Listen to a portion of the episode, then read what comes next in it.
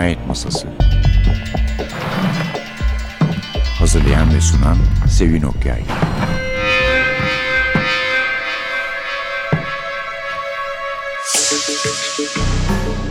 Merhaba, NTV Radyo'nun Cinayet Masası programına hoş geldiniz.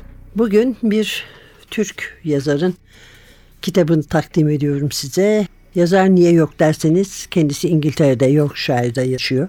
Onun için yok. Daha önce bir türlü denk düşüremedik. O bir kısa süreyle buraya geldiğinde en sonunda onunla yapılmış bir söyleşiden de yararlanarak yazar olmadan kitabı tanıtalım dedik. Evet, Fener Yolu Cinayetleri kitabın adı Gencoy Sümer yazarımız. Kitabın adı Fener Yolu Cinayetleri Herdem'den çıktı.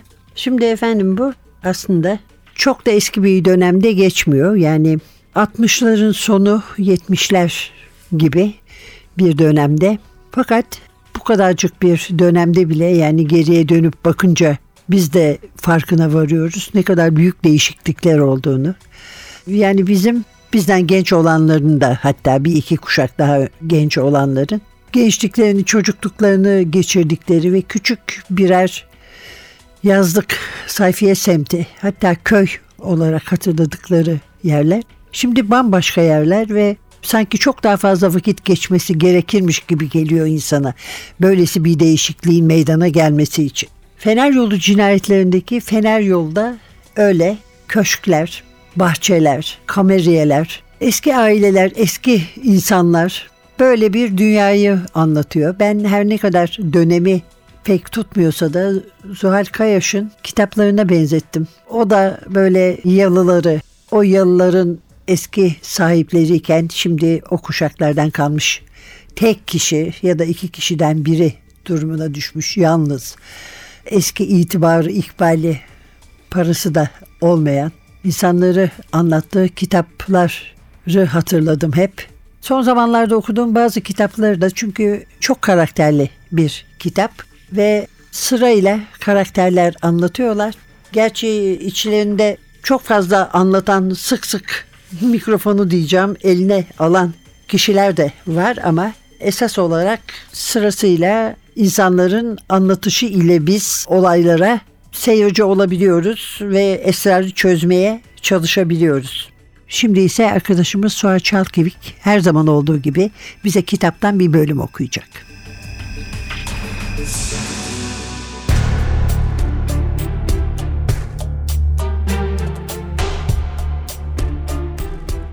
Piraye neden intihar etti?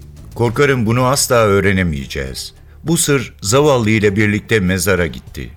Bazı aşırı duygusal insanlarda kendini öldürme temayülü son derece kuvvetlidir. Piraye'nin ruhsal yapısında intihara müsait bir zayıflık mevcut muydu? 13 sene önce bu soru bana sorulsa kesinlikle hayır derdim. Üstelik sesim de gayet gür çıkardı. Ama yıllar sonra aynı kesinlikle bir cevap verebileceğimi sanmıyorum. Yukarıda anlattıklarıma benzer bazı hadiseler beni ister istemez düşündürüyor. Kafalarda soru işaretleri dolaştıran tek husus geride bir mektup bırakmamış olmasıdır. Bu soru işaretleri yüzünden hadiseyi bir cinayet olarak münakaşa etmekse abestir. Hem bu bir cinayet olsaydı bu durumda bir de katilin mevcudiyeti icap ederdi. E o zaman katil neredeydi? Nasıl olmuştu da hiç kimse onun yukarı çıktığını ve cinayeti işledikten sonra kaşla göz arasında aşağıya inip sırra kadem bastığını görememişti. Unutmayın ki üst katın bütün pencereleri kapalıydı. Polis hepsini tek tek kontrol etti. Piraye'nin yatak odasındakiler de öyle. Katil alt kata inmeden evden sıvışıp gidemezdi. Gerçi en üstte bir tavan arası vardı ama kapısı devamlı surette kilitliydi. Zaten polis orayı da gözden geçirmiş, herhangi bir ize rastlamamıştı. Bence bütün bunlar fuzuli bir münakaşadan başka bir şey değil. Piraye bir cinayete kurban gitmedi. O intihar etti. O gün arkadaşı Birsen Kutlu köşkteymiş. Büyük bir ihtimalle o gittikten sonra bilmediğimiz bir şey oldu ve Piraye büyük bir teessüre kapıldı. Aşağıya indi, kocasının çalışma odasından tabancayı aldı ve yukarı çıktı. Tabancanın çekmecelerden birinde olduğunu Sağır Sultan bile biliyordu. Yatak odasında geçirdiği son 50 dakika çok önemli. Acaba o 50 dakika içinde ne oldu? Birini mi gördü? Bahçede ya da evin içinde bir şeye mi rastladı? Belki bir konuşmayı duydu. Her ne olduysa aniden derin bir teessüre kapıldığı ve hayatına son vermek istediği anlaşılıyor.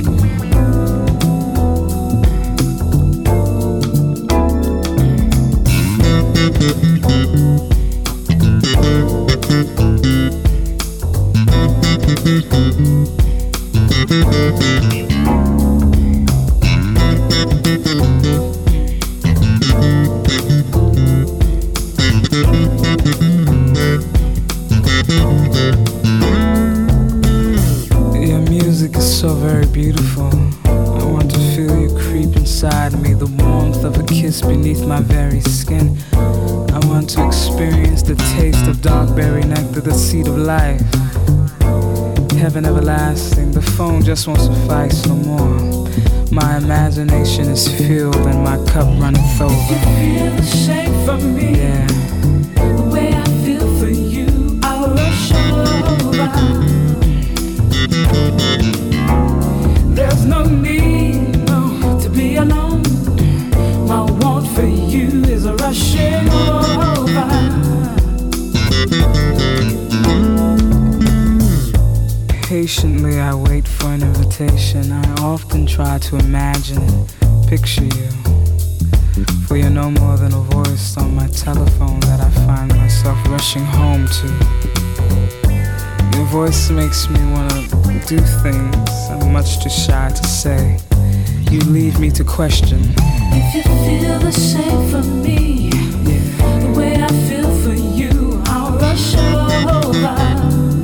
me. There's no reason to be alone. No, my want for you is rushing over. Won't you play for me?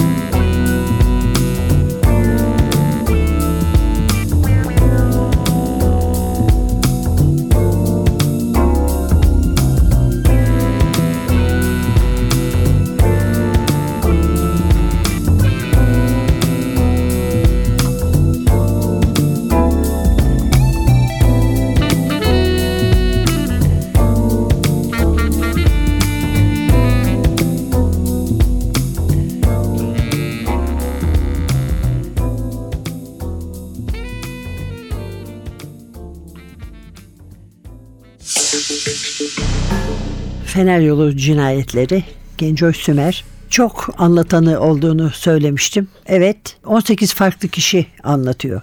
Kitap 40 bölüm ama küçük bölümler bunlar.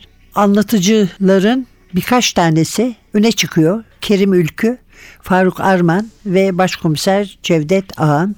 Kerim Ülkü ilginç bir adam. Efsanevi bir şef, aşçı ama aynı zamanda dedektiflik de yapıyor. Polisle sürekli işbirliği içinde olduğu için onlardan tepki almıyor ve ortaya çıkmayı hiç sevmediği için yani gazetede adını görmüyorsun, radyoda sesini duymuyorsun, televizyonda olduğu gibi karşına çıkmıyor. Kimsenin de onun dedektifliğinden haberi yok. Diyelim ki çok az kişinin var. Kendi çözdüğü olayları Başkomiser Cevdet Ağan'a adeta hediye ediyor. Cevdet Ağan terfi alıyor onun çözdüğü olaylarla. Önce kısaca Gencoy Sümer'den söz edelim. Filyos'ta doğdu. İTÜ İşletme Mühendisliği Fakültesini bitirdi. İstanbul Üniversitesi İktisat Fakültesi'nde yüksek lisans ve doktora yaptı. İnternette birçok hikaye ve makaleleri yayımlanmış durumda. 2011 yılında polisiye severlerin belki de biliyor olacağı polisiye durumlar sitesini kurdu. 2017'den itibaren de Dedektif isimli polisiye bir e-dergi yayınlıyor. İlk romanı Fener Yolu Cinayetleri ama ikinci bir romanı hazırladığını düşünüyorum. Doğrusu çok da isteriz çünkü keyifle okunan bir kitaptı benim için en azından. Belki de diyorum bu maziye dönüş beni cezbetmiştir. Ama yok yani bunca çok karakter ve arada olan bir de 13 yıllık bir mesafe var. Yani kitabın geçtiği günlerden 13 yıl önce meşhur bir yıldız, film yıldızı intihar etmiş. Yani ölmüş ve intihar ettiğini düşünüyorlar. Ama bu 13 yılın ardından ortaya bir kanıt çıkmış ve kahramanımız Kamil Ülkü de yaşlı bir hanımı, ölmüş olan yaşlı bir hanımı mezardan çıkartıp bir araştırma yaptırmış ve doğal şekilde ölmediği, kendisine arsenik verildiği anlaşılmış. Ondan sonra da bu olaya bütün karışmış olanlarla söyleşilere girmişler, sorguya çekmişler. Kimileri gelemeyip mektup yazmış. Burada olanlar da icabında defalarca gelip ifadelerini vermişler. Bu cinayetin esrarını Piraye Arsan cinayetinin esrarını yıllar sonra da olsa çözebilmek umuduyla.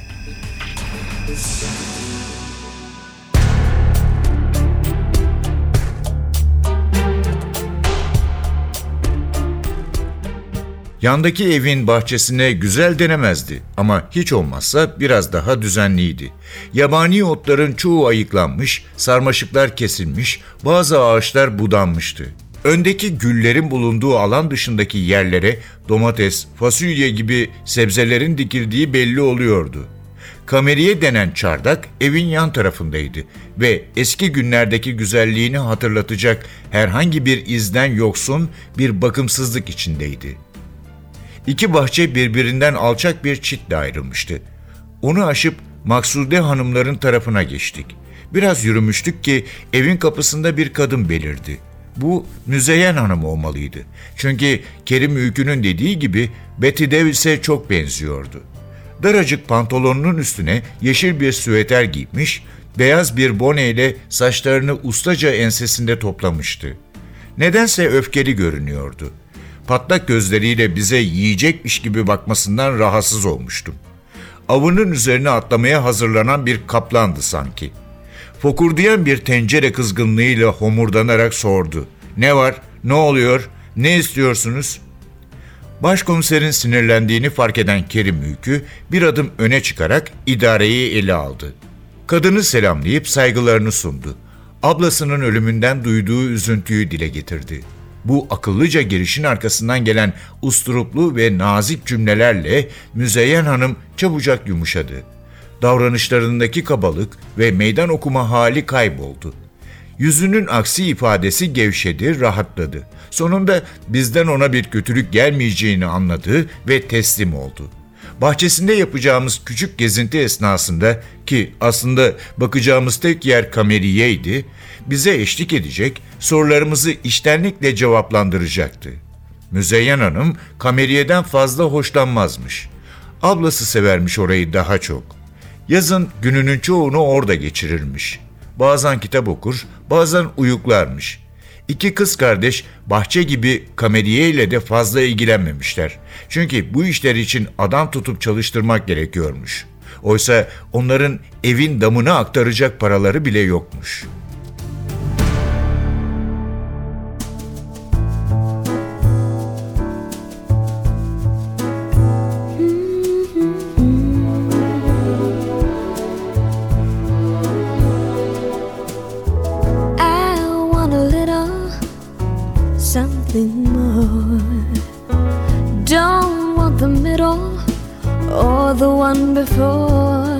I don't desire a complicated past. I want love that will last. Say that you love me. Say I'm the one. Don't kiss and hug me and then try to run. I don't do drama, my tears don't fall fast. I want a love that will last. I don't want just a memory, give me forever. Don't even think about saying goodbye. Cause I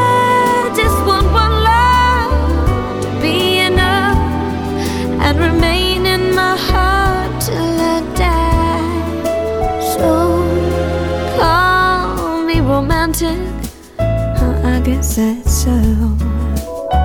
There's something more that you ought to know. I never leave you.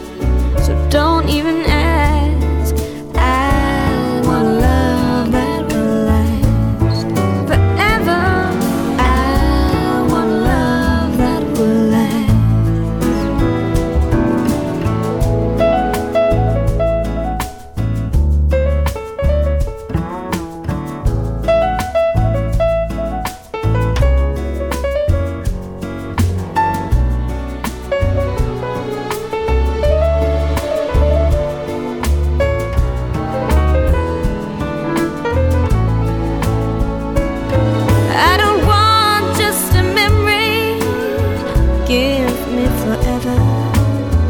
Don't even think about saying goodbye. Cause I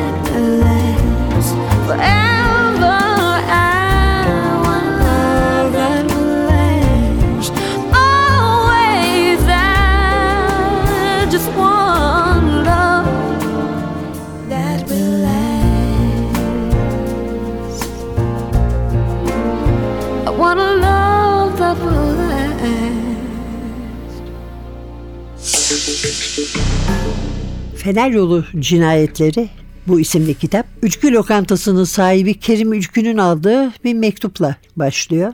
Yıl 1982. Hava çok soğuk. Mart henüz. Mektubu Müzeyyen Sermet Hanım yazmış. Ablası Maksude Sermet rica etmiş yazsın diye. Bir sırrı varmış Maksude Hanım'ın ve bu sırrı yıllar önce bir vapur gezisinde karşılaştığı Kerim Ülkü'ye sadece söyleyebileceğini belirtmiş. Buna inanıyormuş. Kimseye de söylemiyormuş başka. Kerim Ülkü de bu sırrın kiminle ilgili olduğunu hatırlıyor. Piraye Arsan'la ilgili olduğunu ve ilgisini çekiyor çok. Çünkü söylememiş vapurda ne olduğunu, kim olduğunu Maksude Hanım. Hemen gidiyor Fener yolundaki köşklerine iki kardeşin yaşadıkları. Kapıyı Müzeyyen Hanım açıyor. Ne yazık ki ablası iki gün önce ölmüş. Ve böyle başlıyor. Bir kitap var. Kitabın içinde kitabı bırakmış Kerim Bey'e. Kerim Bey arka kapağın içinde yapışmış bir şey olduğunu fark ediyor. Onu açıyorlar ve bir mektup çıkıyor içinden. Bu mektup çok ilgilendiriyor Kerim Ülkü'yü ve Başkomiser Cevdet Ağan'a gidiyor. İzin alıyor ondan. Savcılıktan izin alıyorlar. Gidiyorlar çıkartıyorlar cesedi ve e, zehirlendiği anlaşılıyor. Doğal bir ölümle ölmediği. Ondan sonra da Kerim Ülkü ile arkadaşı, yazar arkadaşı Faruk Bey yeniden her zaman olduğu gibi çalışmaya başlıyorlar cinayeti çözmek için. Yerlerde neresi? Ülkü lokantasının üstündeki çalışma odası. Efendim bir yazı var. Dedektif Kerim Ülkü hakkında 1980 Aralık ayında News Age'de Peter Fairchild imzasıyla yayınlandığı iddia edilen gizemli bir lokantacı Kerim Ülkü diye Peter Fairchild olduğu iddia edilen kişi anlatıyor. Kerim Ülkü'yü anlatıyor bu yazıda. Efendim, sözde Amerikan fast food tarihinde bir dönüm noktası kabul edilen Baroness Valdez'in New Hampshire'daki krallar sofrasının yaratıcısıymış bu şahıs. Aynı zamanda Time Out rehberi de bunu o kadar met etmiş ki yeniden dünya gündemine oturmuş gibi 128 ayrı pişirme yöntemi varmış ustalıkla kullandığı ki bazıları doğrusu bana ben Türk mutfağının çok dışına çıkılmasını seven bir insan olmadığım için pek de hoş gelmiyor. Mesela çilek sosunda pişirilmiş ıspanaklı lüfer dolması gibi. Her neyse bu da çok ilginç bir yazı. Kerim Ülkü zaten esrarengiz bir adam. Ne yaptığı belli değil, ne yaptığını kimse bilmiyor ama ne pişirdiğini biliyorlar. Çünkü Ülkü lokantası bir hafta önceden yemek için rezervasyon yaptırmazsan akşam yemeğinde asla yer bulamayacağın bir lokanta. Evet, e, Gencoş Sümer'in ilk kitabı, şimdilik tek kitabı Fener Yolu Cinayetleri Herdem'den çıktı.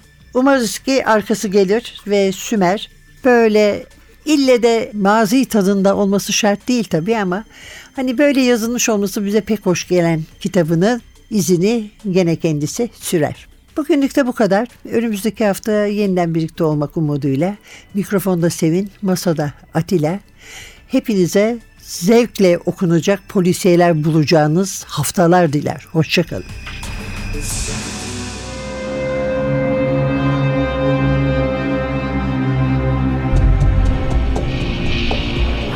Cinayet Masası Hazırlayan ve sunan Sevin Okyay